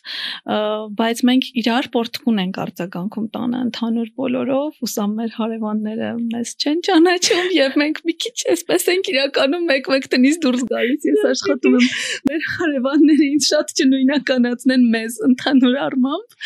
որովհետեւ ինձ իրանք այդքան էլ ուրախ չեն, որ մենք իրենց հարևաններն ենք։ Պահի տակ մենք շատ բուրն ենք լինում, այսինքն ինչ բան կարող ենք թե ողջավորությունը, թե ուրախությունը, թե նեղվածությունը մի քիչ բարձր ու բուրըն արտահայտել բոլոր տղաներով միասին եւ ես։ ու այդ այո, այդ պահերին մենք մի քիչ խոցելի ենք դառնում, որովհետև առաջինը մեզ մոտ խառնվածքից ելնելով բուրն արձագանքներն են գալիս Երևի թե դրանք են ամենաբարդ իրավիճակները։ Խոցելու են, խոցելի ենք լարված պահերին իհարկե, երբ ինչ-որ բան չենք հասցնում, ոչ մի ձև չենք տեղավորում ինչ որ մի բան, բայց պիտի տեղավորենք։ Բնականաբար, երբ ինչ որ առողջական խնդիրներ կան մեր կամ հարազատների մոտ, դրանք են բարդ իրավիճակներն են։ Շատ խոցելի ենք իհարկե ընդհանուր երկրի դրության հետ կապված, ինչպես բոլոր քաղաքացիները մի տեսակ ինձ թվում է բոլորիս մոտ բազային ինչ որ պահանջմունքներ բավարարված չեն ու դրա արդյունքում մենք բոլորս ինչ որ առումով խոցելի ենք, որովհետև ապահով չենք զգում, անվտանգ չենք զգում, երբեմն լավատես չենք կարողանում լինել ու դա էլ իհարկե մեզ մի քիչ էմոցիոնալ է դարձնում դու խոցելի ես, երբ վախենում ես երեխաներիդ համար։ Դու շատ վերջերս շատ սիրուն գրառում արեցիր քո էջում առայն որ ծնողական վախերի հետ ընդհանրապես ինչ են դրանք եւ ոնց է պետք դրանց հետ գլուխ անել լուսնե իսկապես ահա որ բարդ հարց այ այ ինչ անենք, ուր ուր պահենք, որ մի դարյակը մցնենք այդ վախերը, որ իրանցից ազատվենք։ Իրանք կան ու իրանք ինքան բնական են։ Ես ինքան տեղ եմ տալիս, որ չեմ ուզում մերժեմ այդ վախերը, չեմ ուզում աչք փակել իմ վախերի վրա։ Ես չեմ ուզում ասել, որ չէ, չէ, չէ, չկա տենց բան։ Իրանք ինքան բնական են գալիս։ Ու այդ ամենը գալիս է բնականաբար սիրուց, հոգացությունից, պատասխանատվությունից այդ մարդուկների հանդեպ։ Ինչ անենք այդ վախերը։ Այդ վախերը դարձնում են քեզ խոցելի։ Ինչ չանենք, առնվազն թարակում չփակենք Նախ փորձենք այդ վախերի հետ ընկերանալ հասկանալ ինչի մասին են այդ վախերը, որովհետև բոլոր վախերը մեզ պաշտպանող նշանակություն ունեն։ Իրենք օթից չեն առաջանում, իրենք մեր ինքնապահպանման բնազդի արդյունքն են ու եկել են մեզ պաշտպանելու։ Մենք վախենում ենք, որpիսի մեր երեխաները չտուժվեն, չվնասվեն, հանկարծ իրենց հետ ինչ-որ բան չլինի ու շատ տարօրինակ կլիներ, եթե մենք չվախենայինք մեր երեխաների համար։ Լավ է, որ վախենում ենք իրենց համար։ Բայց երբ որ ես ասում եմ ընկերանալ ու հասկանալ, նկատի ունեմ մի փոքր վերլուծել դրանք որտեղից են գալիս եւ մի փոքր ռացիոնալ փորձել հասկանալ ինչքանով են դրանք հիմք ունեցող եւ օբյեկտիվ որովհետև երբեմն դրանք զուտ մեր անհանգստություններն են, որոնք ոչ մի հիմք չունեն եւ երբեմն դրանք ավելորդ կասկածներ են, ավելորդ լարվածություն են, որը ուղակի երեխային դարձնում է տագնապային, այսինքն մի կողմից լավ է, որ մենք այդ զգոնությունը ունենանք, բայց շատ հաճախ մեր զգոնությունը մեզ սկսում է խանգարել։ Էլի մի դեպք, որի մի հետազոտություն, որի մասին ես միշտ պատմում եմ, չեմ հիշում, որ երկրում եվրոպական խաղահրապարակ հրապարակում արգելել էին ծնողների մուտքը եւ այդ պահից սկսած խաղահրապարակում որտեղ սղարանջո ճանակ աստիճաններ նման բաներ կային հենց արգելվել էր ծնողների մուտքը երեխաների տրավմաների ֆիզիկական տրավմաների դեպքերը կտրուկ նվազել էին Այ դա էլ է հենց մեր ծնողական վախերի հետ շատ կապված, որովհետև երբ մենք այդ հրաապարակում ենք իր կողքը, վայ վայ չբարձրանաս, չընկնես ու դա բերում է նրան, որ երեխան սկսում է ինքնել ավելորտ անհանգստանալ, հա, մեր անհանգստությունը մենք իրեն ենք փոխանցում եւ նաեւ մեկ-մեկ էլ սկսում է մեզ հակառակը ապացուցել, որ ես 5-րդ աստիճանն էլ կարող եմ բարձրանալ, մինչդեռ եթե մենք այդտեղ չենք, երեխան ու ես դա տեսել եմ երեխաների վրա բազմիցս, թե խաղահրապարակն եմ, թե իմ երեխաները, թե գործի է բերում, որ երբ որ իրենք մենակ են, մենք իրենց չենք խանգարում, իրենք շատ լավ իրենց ներքինին վստահելով, իրենք զգում են այդ 4-րդ աստիճանը իրենք կձգեն, թե չէ։ Ու եթե դու երեխային հանգիստ ես թողնում, ինքը ոտքը դնում է 4-րդի վրա, զգում է, որ չէ, չեմ ձգում, հետ է իջնում ու չի ընկնում Բայց երբ որ մենք կողքն ենք ինքը մեզ փորձելով ապացուցել, ավելի ռիսկային բաներ է շատ ավելի հաճախանում։ Այսինքն ընկերանալ նշանակում է իմ վախերը հասկանալ, հասկանալ դրանք զուտ իմ անհանգստություններն են, թե դրանք իսկապես օբյեկտիվ են, եւ եթե մենք հասկանում ենք, որ չէ, հեչ օբյեկտիվ չեն ուղակի իմն են, ինքներս մեզ կամ կամային այսպես ջանքերի միջոցով ուղակի հետ պահել երեխային սահմանափակելուց այդ գրառումը որի մասին դու ասացիր իմ փորձի մասին ես շատ քիչ եմ գրում իմ անձնական փորձի մասին բայց այդ անգամ որոշեցի գրել որովհետև մտածեցի որ դա կարող է օգնել ուրիշ ծնողների ովքեր դրա միջով անցնում են շատ ժողար է առաջին անգամ թողնել երեխային թեկուս նոր նորածինների դեպքում թեկուս մայրիկիդ մոտ, ընկերուհուդ մոտ, քույրիկիդ մոտ շատ դժվար է թողնել մանկապարտեզում առաջին անգամ։ Շատ դժվար է թողնել դայակի մոտ, շատ դժվար է թողնել ճամբար։ Բայց եթե մենք հասկանում ենք, որ դա բխում է երեխայի շահերից, սա այն մասն է, որ մենք պիտի ինքներս մեր հետ արդեն աշխատենք ու երեխայի կյանքը դրանով չսկսենք սահմանափակել, հա, ու արատավորել որպես այդպեսին։ Նկատի ունես ես ինչ լսեցի այդ իրականում վստահել երեխային առանց մեզ վստահել այդ վիճակը երեխան առանց մեզ որովհետև հիմնականում իրենք շատ զգուշավոր են եթե մենք իրենց չենք ավելորդ տագնապային դարձնում մեր տագնապները փոխանցելու եւ շատ զգուշավոր են որովհետեւ չկա այն մեկը ով պիտի պատասխանատվություն կրի իրանց համար իրենք մնում են մենակ իրենց ազատության հետ ու իրենց պատասխանատվության հետ նաեւ երրորդն էլ որ ասացիր ապացուցելու բան չունեն հակառակվելու որի շատ որոշ տարիքին շատ բնորոշ է, չէ՞, հակառակվել նիհիլիզմը կամ ուղղակի հակառակվելը շատ բնորոշ է, դա այդ հանդիսատես չկա, որի համար իրենք ինչ որ մի բան պիտի ապացուցեն։ Դա նշանակում է, որ ուղղակի էլի հետ են գալիս մի թեմայի մեր շուրից մեկ էլ խոսում ենք, որ վստահել երեխային վստահել։ Համաձայն եմ։ Գիտես, ըստիս շատ զգոն չեն, բավարար զգոն են։ Չեմ էլ կարծում, որ արժի շատ զգոն լինեն, որտեվ շատ զգոնը արդեն շատ է։ Իրենք բավարար զգոն են։ Այնքան ինչքան անհրաժեշտ է։ Իրենք հեմվում են իրենց ուժերի վրա, իրենց հնարավորությունների վրա, փորձում են իրենց հասկանալ, փորձարկում են իրենց, փորձարկումների արդյունքում մեկ-մեկ ընկնում են։ Մեկ-մեկ վնասվում են, մեկ-մեկ սխալ բաներ են ասում, մեկ-մեկ վիճում են ընկերների հետ, բայց հենց դրա արդյունքում են իրենք մեծանում ու այդ վստահելը գիտես ըստիս շատ երեխայի ներքին ուժին, ներքին հնարավորություններին վստահելու ու հավատալու մասին է։ Այս է իսկապես մասնագիտական է մոտ, որովհետև ես իմ այցելուներին էլ եմ փորձում հենց դա տալ առաջին հերթին եւ փոքրիկ եւ մեծ այցելուներին այդ վստահությունը իր ներքին ուժերի, իր հնարավորությունների, իր հոգեկանի, իր մարմնի հանդեպ, որովհետև ես գիտեմ, որ ամեն մարդ այդ թվում եւ երեխա գիտի իրեն ինչա պետք։ Ինքը իր ապակին ճանապարհն էլ գիտի, դու օգնում ես, բայց ինքը գիտի իր ապակիման ճանապարհը։ Ու նույն ձև երեխան էլ ինքը գիտի իրեն ինչա պետք, ինքը ունի ուժ ու ռեսուրսներ բոլոր իրավիճակները հաղթահարելու համար։ Մենք ուղղակի պետքա չխանգարենք իրենց այդ ներքին իմաստությանը վստահելով ու այդ ներքին իմաստության օրինակները ես այնքան շատ եմ տեսել իմ կյանքում տարբեր բալիկների հետ դա կլինի, բայց իրենք իսկապես շատ իմաստ ունեն ու իրենք շատ լավ գիտեն ինչ անել, ինչ ասել եւ եւ մնացած այն ամենը ինչ իրենց պետք է իսկ այդ վստահելու համար երևի թե ուղակի պիտի մտքում պատրաստ լինենք դրան որ հա ինքը ունի այդ իմաստությունը եւ ուղղակի մի քիչ լսենք երեխաներին այսօր այդ լսելու մասին մի քիչ չէ շատ լսենք իրաց քիչ ենք լսում շատ քիչ տեղ ենք տալիս դրան իսկապես հենց էլի շատ մշակութային այս թվում այդ խնդիրը որ իրանց շատ քիչ ենք լսում մենք ավելի շատ խոսում ենք մենք ավելի շատ ասում ենք բարերը լսելու մասին չի էլի միայն երեխան մեզ նաև ցույց է տալիս ոնց որ փոքրիկը դեռ խոսել չգիտի մենք իրեն էլ կարող ենք լսել որտեվ ինքը ու լացնել էստեղ կարևոր չի ինքը միևնույնն է թե դեմքի արտահայտություններով թե շարժումներով ինքը մեզ ցույց է տալիս ինչն է իր համար կարևոր լինել ուշադիր ուղակի պատրաստ լինել տեսնելու այն ինչ որ մենք կարող ենք տեսնել փորձել նկատել այն ինչ որ երեխան իրականում մեզ ցույց է տալիս, մի քիչ ապրումակցել, մի քիչ մեզ իր մաշկի մեջ դնել, հա? Լսել այո եւ բառերը, բայց նաեւ դիմախաղը, բայց նաեւ զգացմունքները փորձել հասկանալ ու փորձել հասկանալ դրա տակ ինչ է, հա, իրականում դակնված որպես այդպեսին։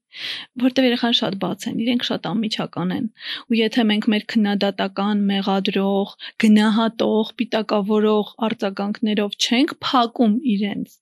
իրենք բաց են այդ ամենը մեզ ցույց տալու, մեզ մնում է միայն նկատել։ Ինչը ժպտացի։ Արամներ այսօր դրա մասին Խողջայան։ Բար բարի կրկնեցիր, գիտես, այդ նկատելը, դիտելը, տեսնելը, հետևելը ու շադիր լինելը, ուշադրություն դարձնելը։ Չկան հետաքրքիր անգամ քեզ այսքան լավ ճանաչելով, երբ մտածում էի քեզ հravirեմ այստեղ ոդքասթի, իհարկե ուսումնասիրել ենք ձեր գրառումները, հարցազրույցները, նյութերը եւ այլն եւ մի շատ գեղեցիկ բան տեսա ամուսնուց մոտ Զոհրաբի մոտ եթե թույլ կտակ ես այստեղ փոքրիկ հուշարար ունեմ այդ հուշարարից հետ խորհրդակցեմ գիտես ինչ էր գրել Զոհրաբը շատ գեղեցիկ շնորհավորել էր ձեր ամուսնության տարելիցը ու գրել էր որ ամուսնության ընթացքում շատ կարևոր բան է սովորել ինքը սովորել է որ սիրելը սովորելու բան է որ սիրելը երկար սերտելու դաս է որը մենք հայերս արդեն 5000 տարի է անդադ չեն կարողանում սովորել սիրել, չեն կարողանում սրտել այդ դասը։ Ըստ քեզ ինչի նկատի ունես նորապա։ Ինչպես սովորել սիրել։ Այդքան հեշտ չի իրականում։ Իսկ եթե իսկ թվում է ուղղակի այսքան տարիների հետ ապրելով դու հաստատ կհասկանաս ինչ ինքը նկատի ուներ, որ ձեր ամուսնության ընթացքում դուք սովոր ինքը սովորել է սիրել եւ առասրակ քեզ համար ինչ է նշանակում սովորել սիրել։ մի քիչ ուրիշ ձև մտածում, մի քիչ իմ համար բարդ ձևով ա մտածում, այդ նաև շատ հետաքրքիր է ինձ, բայց ես շատ վաղուց արդեն չեմ փորձում իրեն լիարժեք հասկանալ, որովհետև ինչու բաներ կան, որ իրականում միևնույնն է իմ համար այդ պահին ուրիշ ձև ազգացվում ու ընկալվում ու այդ նորմալ է։ Կարող եմ ասել ես ինքս ինչ եմ սովորել ու ենթադրում եմ, որ ինքն էլ նույնը։ Երևի թե մենք սովորել ենք հասկանալ, որ կյանքը տարբեր գույներ է ունենում։ Երևի թե ինքը մի քիչ նաև պրագմատիկ է երբեմն լինում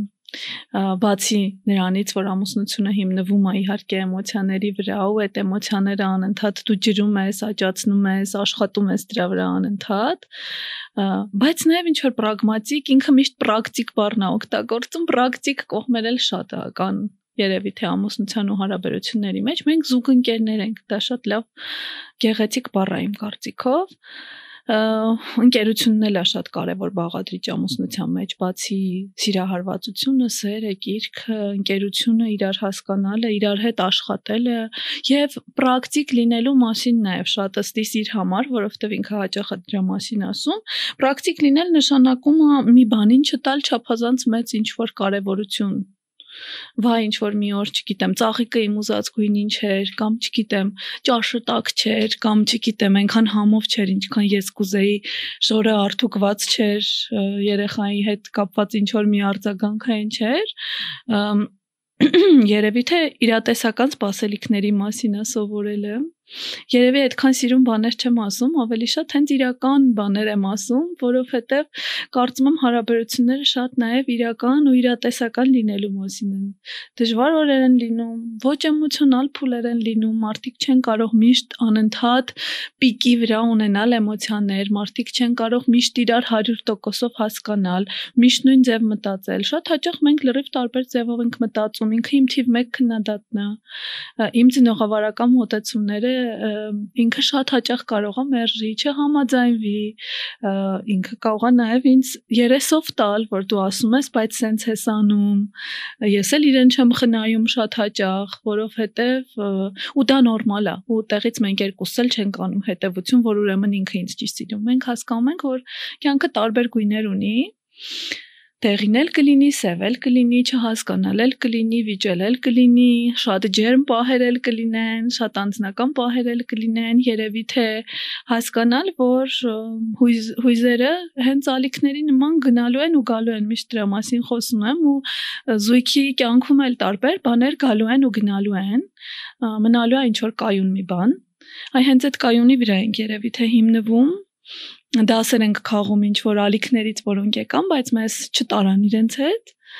Փոխվում ենք այդ ալիքների արդյունքում, բայց փորձում ենք նաև ջրել այդ կայունը ու պահել։ Շատ գեղեցիկ է։ Զոհրապը ներկա եղել ծնդաբերություններին, եթե չեմ սխալվում, երկուսին Ձեզ որպես զույգ դա ինչ է տարից։ Ես ինքան եմ ուզում այդ տրենդների հետևից ընկնելը, միշտ լինի հստակ որոշում։ Շատ լավ է, որ արդեն թույլ են տալիս պապաներին լինել ներկա ծնդաբերություններին։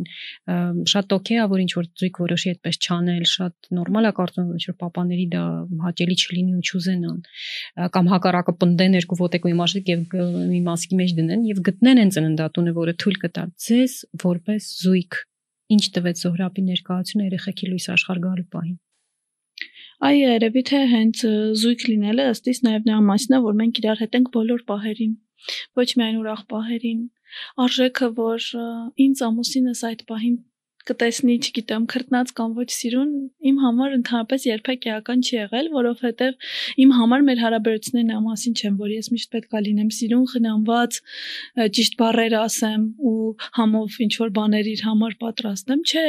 մեր հարաբերությունները բնական լինելու մասին են։ Ես հիվանդել կարող եմ լինել, չխնամված էլ կարող եմ լինել, հոգնածել կարող եմ լինել եւ այլն։ Ու նաեւ իմ համար շատ կարեւոր էր, որ ինքը հենց առաջին վարքյանից իմ հետ լինի ծնող ծնող ծնող դառնալու գործընթացում մենք ծնվել ենք որպես ծնողներ հենց իրար հետ հենց առաջին պահից ես չեմ դարձել մամա հետո իրեն ցույց տվել մեր երեխաներին չոր առումով անգամ հակառակը որովհետև երբ մասնակցում ես ծնունդին դու ավելի շուտ ես տեսնում բալիկին կամ բուն մամայի մոտ ինքը հասնում է իմ համար շատ կարևոր էր որ ինքը այդ պահին իմ հետ լինի հատ եւ առաջինի ժամանակ եւ երկրորդի շատ շատ շատ կարևոր էր ու հենց սկզբից երբ որ ես սկսեցի կարդալ այդ ամեն ինչի մասին ես անդադ իրեն պատմում էի ներգրավում էի բացատրում էի որ փուլում ինչ ա լինելու ինչ եմ զգալու ոնց պիտի շնչեմ դու ինչ պիտի անես ու աննկարագրելի շատ էի ուզում որ միասին այդ ամեն ինչի միջով անցնենք ոչ թե ես այդ մեծ փորձառություն ունենամ ու հետո իրան գնամ ուղակի դրա մասին պատմեմ կամ ոչ էլ պատմեմ ու չնայած որ ինձ շատ էին փորձում հետ պահել եւ բարեկամները եւ ծանոթները որովհետեւ 7 տարի առաջ քիչ էին այդպես անում Հայաստանում ու շատ մտավախություններ կար սկսած են կարծրատիպից որ հայրիկը կուշաթափվի չի դիմանա կվատանա իհարկե ոչ վերջացրած, հա, ինչ որ օբյեկտիվ բժշկական այսպես խոչընդոտներով, որովհետև միջև հիմա էլ երբեմն ինչ որ նկատառումներից ելնելով թույլ չեն տալիս ամենայն դեպս չեն խրախուսում, պիտի շատ համառ լինես։ Մենք այն որ երկու շաբաթականից, երկու ամսականից դեք անդադ բանակցել ենք բժշկի հետ, որ չէ, պարտադիր ինքը պիտի գա, այսինքն որ ուզեին մեզ մի քիչ համոզել, հաստատ կհամոզեին։ Բայց երբ որ իմ համար կարևոր էր նախ որ ինքը լինի պատրաստված, այսինքն մենք չենք կարող տղամարդուն ուղակի վերցնել ու տանել ծննդաբերության այդ դեպքում գուցե ինքը կուշաթափվի։ Բայց մենք շատ ենք խոսել, ես ինչ կարդացել եմ իրեն պատմել եմ, ցույց եմ տվել վիդեոներով, այսինքն տղամարդը պիտի իմանա, որ փուլում ինչ ա լինելու, ինչպես ինքը պետք է օգնի։ երեխաները ինչ որ պատրաստելուց իրենց հետ խոսում ենք, պատմում ենք ինչպես պիտի լինի, չէ՞, այս բանը այդպես հոգացություն զգացի էլի այդ ամեն ինչի մեջ։ Քանի որ ինքը շատ, երբ որ ես այդ ամեն ինչ իրեն ներկայացրեցի, ես իրեն ասեցի գիտես, նա իմ համար շատ կարևոր է որ դու լինես, բայց եթե դու ռեալ զգում ես, որ դու չես ուզում կամ չես կարող, ոչինչ, արի չանենք։ Այսինքն Ես ճուզեցի իրան այդ հարցը տամ միջև պատրաստելը, որտեվ ինքը չէր պատկերացնում։ Ես ճուզեցի զուտ մենակ ինքը որոշի, ես ուզում եի, որ ինքը իմանա, որ դա իմ համար կարևոր է, բայց նաև չէի ուզում էգոիստական սենց լինել երկու ոտս դնել մի կոշիկի մեջ, պիտի գաս վերջ։ Դա մեր իսյան ասեցի, որ իմ համար դա կարևոր է, սենց հա լինելու, դու ոնց ես զգում եւ ի հակադրություն բոլոր մեր բարեկամների սпасելիքների ինքը ասաց որ ես կգամ ու ես կարամ իմ հետ ոչ մի բան չի լինի ու հա ամեն ինչ անցավ հարթ չնայած որ կան բնականաբար բոլոր ծննդաբերությունների ժամանակ հաճախ ինչ որ դժվարություններ են լինում բայց իմ համար շատ կարեւոր էր որ ես իր հետ էի այդ պահին ու ինքն էր ինձ օգնում ու ցանկացած հարցով ես կարող էի իրեն այդ պահին դիմել ուղակի զգալ իրա ներկայությունն իմ կողքում եւ ամենակարևորը որ որ ինքը առաջինը տեսավ մեր տղաներին, իրանց դիմավորեց, իրանց գրկեց, հա, այդ առաջին ինչ որ բաները արեց, երկրորդի դեպքում ոնց որ թե պորտալերը կտրելուն էլ մասնակցեց ու նոր տվեց ինձ ու ըստիս դա շատ մեծ դեր է խաղացել այն հարցում, որ իմ տղաները շատ կապված են հայրիկի հետ ու դա հենց սկզբից մենք ոնց որ ներդրում ենք թե հղիության շրջանում, որ ինքը միշտ հեքիաթ է կարդում փորիկի համար, հա, իր ձայնը անընդհատ փորձում ենք փոքրիկի համար լսելի դարձնել, շոյել, շփվել, հեքիաթ կարդալ, բայց նաև այդ ծնունդի պահին ըստիս դա շատ կարևոր է։ Ասել, որ դա պիտի անեն բոլորը, իհարկե ոչ, դա անձնական ընտրության հարց է, կան մարդիկ, ովքեր պնդում են, որ դա կարող է վատացնել հարաբերությունները հարաբերությունները, անգամ ասում են, որ ինչ որ հետազոտություններ կան, որ երբեմն օրինակ նույն սեռական հարաբերությունները դրանից հետո կարող են վատանալ կամ անձնական այսպես կապվածությունը, ինձ հետ այդպիսի բան չի եղել, հակառակը ըստ իս ու կարծում եմ Զոհրաբն էլ դա կիսում մեր հարաբերությունները դրանից միայն լավացել են, միայն ավելի ուժեղ են դարձել ու մեր փորձառության մեջ, մեր զույգի, մեր երկուսի կյանքում այդ հավես ամենակարևոր պահերին մեր երկուսի կյանքի երևի մենք իրար հետ ենք եղել ու դա շատ մեծ ռեսուրս է իմ համար, որ մենք այդ պահերին իրար հետ ենք եղել այնքան գեղեցիկ, միևնույն ժամանակ ռացիոնալ, միևնույն ժամանակ մանրակրկիտ, այն որ քայլ առ քայլ փոխանցեց իրի գուցե հիմա մեզ լսում են մարդիկ ում դա սպասում է, թվում է այնքան ամփոփ տեղեկություն ստացան։ Ինչա դա, ոնց է պետք դրան հասնել, ինչքան է պետք փուշ անել, այսինքն ստիպել կամ պապային կամ հակառակը տալ իրեն այդ ազատությունը, բայց տեղեկացվածությունից հետո ինձ թվում է շատ-շատ գեղեցիկ էր կա մի բան, որ կուզես կիսվել, որ որպես ծնող ունեիր այդ ակնկալիքների մարդը, որ երկուսի մամա ես կարող եմ տենց հետահայաց հարց տալ, հա։ ունեի իր այդ սպասելիքներն ու ակնկալիքները քեզանից, բայց չիրականացան դեռ։ Կամ էլ արդեն չեն էլ իրականանա, որովհետև այդպես միֆեր էին քո գլխում։ Ահա, իհարկե կային։ Ամ ես ակնկալում էի, որ շատ իրավիճակներում շատ ավելի հանգիստ կլինեմ, քան եմ, շատ ավելի համբերատար կլինեմ, քան եմ։ Ամ երևի թե այդ հիմնական երկուսը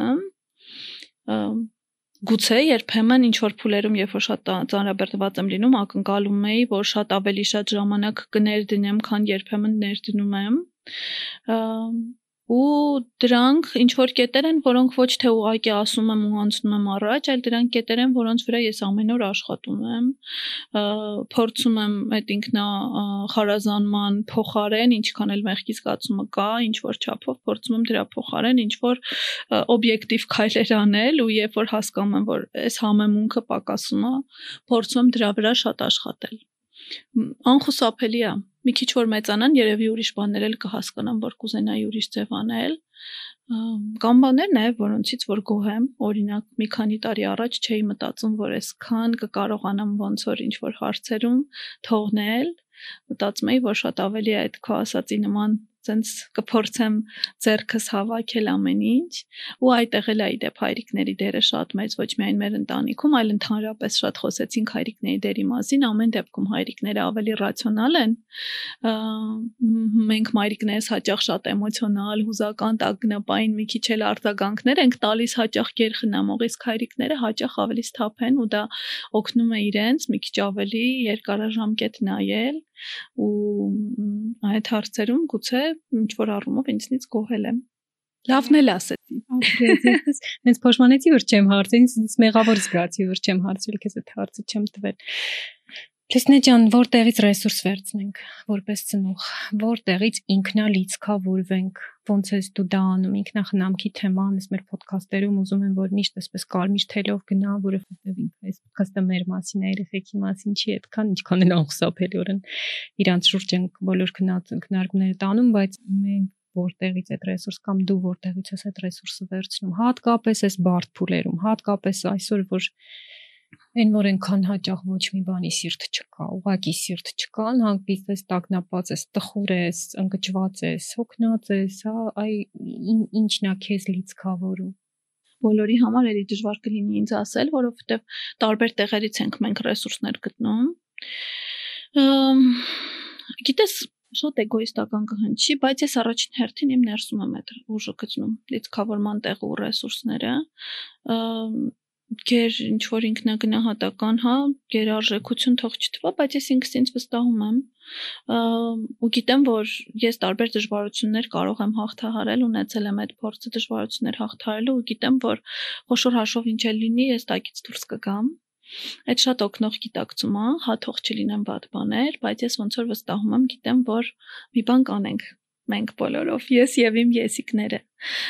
առաջին հերթին երևի տեղից որովհետեւ ոնց որ կարեւորում եմ այն ճանապարհը որ ես անցել եմ որպես մարդ թեկուս համեստա բնականաբար իմ փորձը բայց բոլորիս կյանքում էլ եղել են ինչ որ բաներ եւ այն հավատը որ այո ինչ որ բաներ դեռ կաղթարվեն շատ ռեսուրսներ բնականաբար վերցնում ընտանիքից, բոլոր այն մարդկանցից, ում որ ես շատ սիրում եմ ու ովքեր ինձ են սիրում, առաջին հերթին դա իհարկե ամուսինս, տղաներս են, ու մնացած ընտանիքի անդամները, որովհետև գիտեմ որ մենակ չեմ այս ամեն ինչի մեջ, հաճախ այս լարվածության եւ այլնի մեջ շատ ինձ ուժատալիս ինչի իմացությունը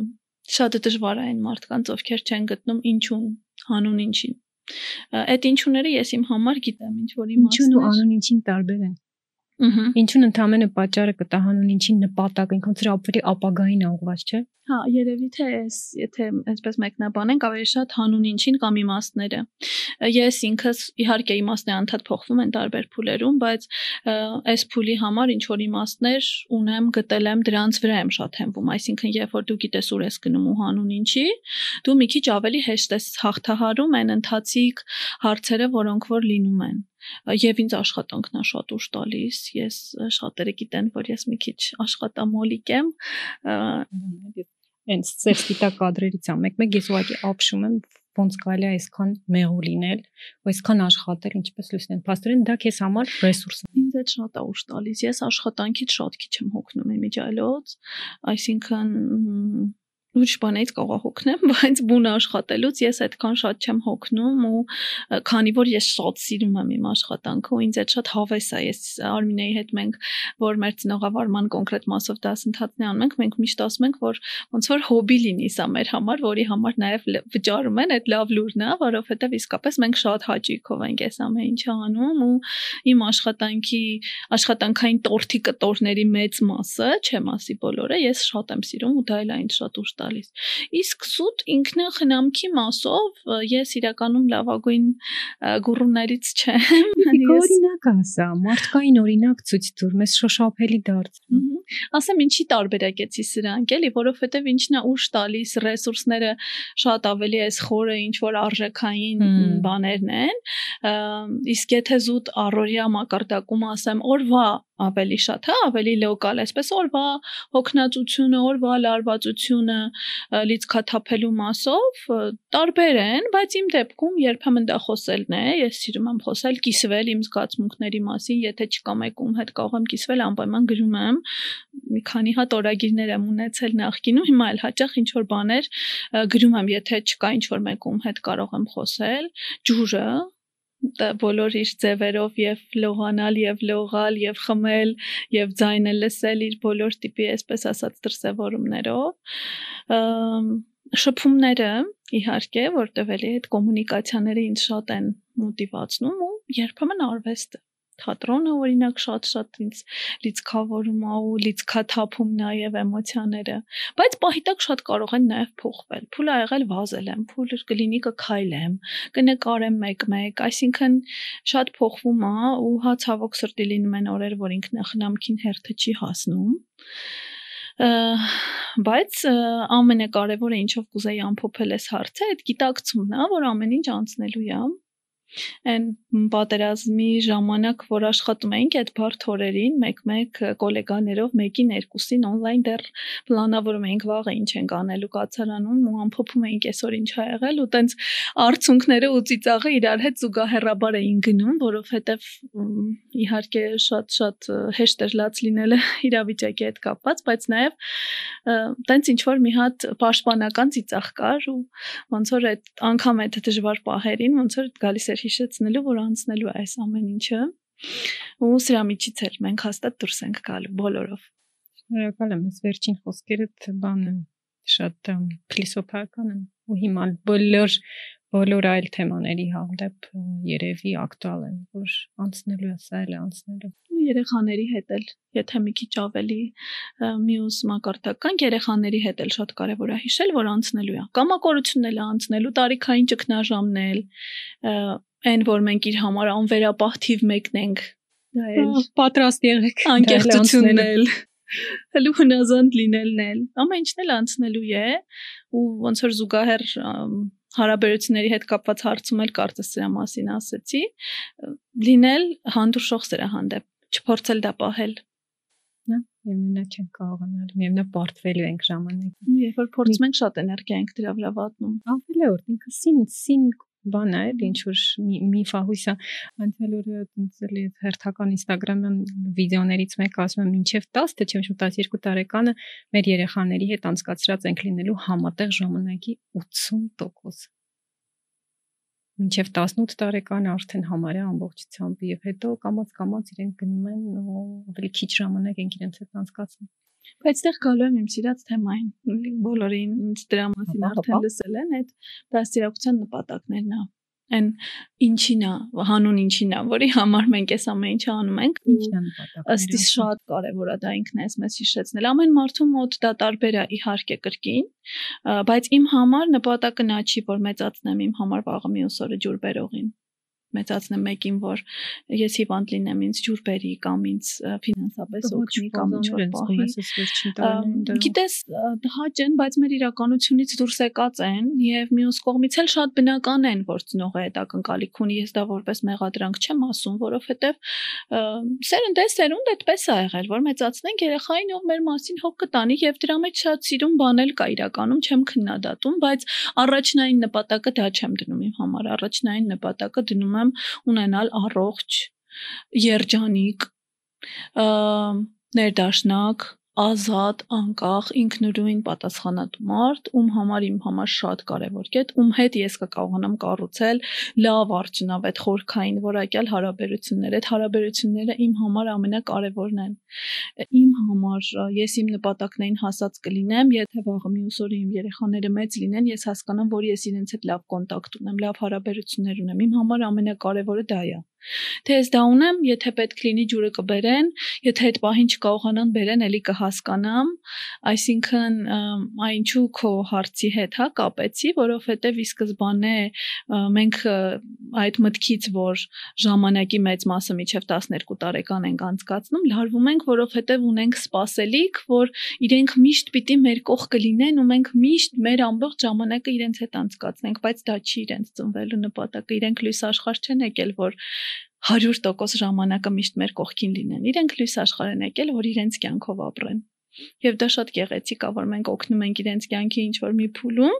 մեծանալ ու իրենց կյանքով ապրել։ Մենք իրականում ժամանակավոր մարդիկ ենք իրենց կյանքում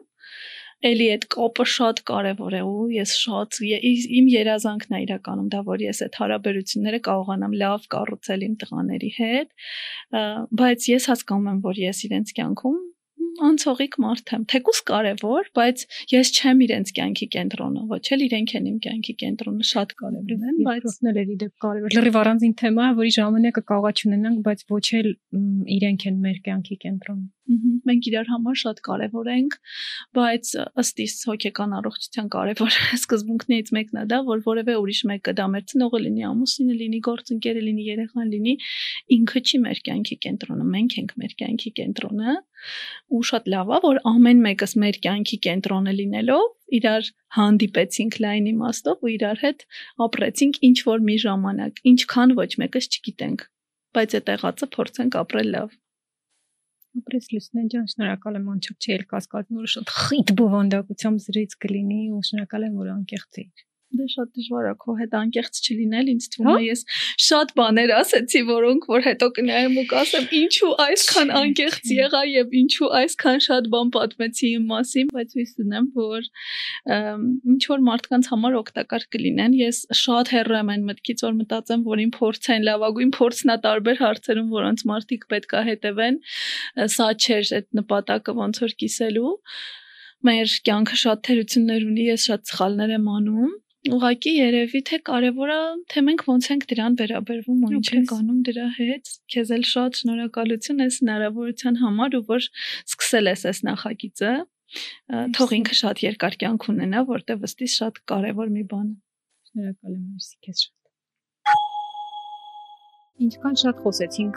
երկրորդ ծնողի դերից, ուզում եմ հենց դրանով էլ ամփոփել այսօրվա այս զրույցը ու դա տանենք մեզ հետ, որ եկեք ուղակի չզրկենք երկրորդ ծնողին լիարժեք ծնող լինելու եւ վայելելու իրենց երեխաներին ծնված բառացիորեն առաջին իսկ վարքյանից։ Եվ եկեք այդ երեխաներին բնականաբար չզրկենք երկրորդ ծնողի լիարժեք մասնակցությունից իրենց կյանքում, որպես մոդել այդ ծնողին տեսնելու եւ չմոռանանք, որ հաճախ հայրերը ավելի ռացիոնալ են, մայրերն ավելի էմոցիոնալ եւ Լուսնեն խոսեց շատ սիրուն այդ ռացիոնալության օգտակարության մասին։ Կիսեք դերերը ձեր զույգերի հետ եւ դա արեք մտածված, հստակ որոշումով, այո, դա հեշտ չի լինելու, ինչպես Լուսնեն ցույց տվեց բայց դրան այլ ընտրանքը մնում է զրկել երեխաներին ծնողներից ինչ որ մեկից, ինչը բնավ է, ինչ մենք ուզենք։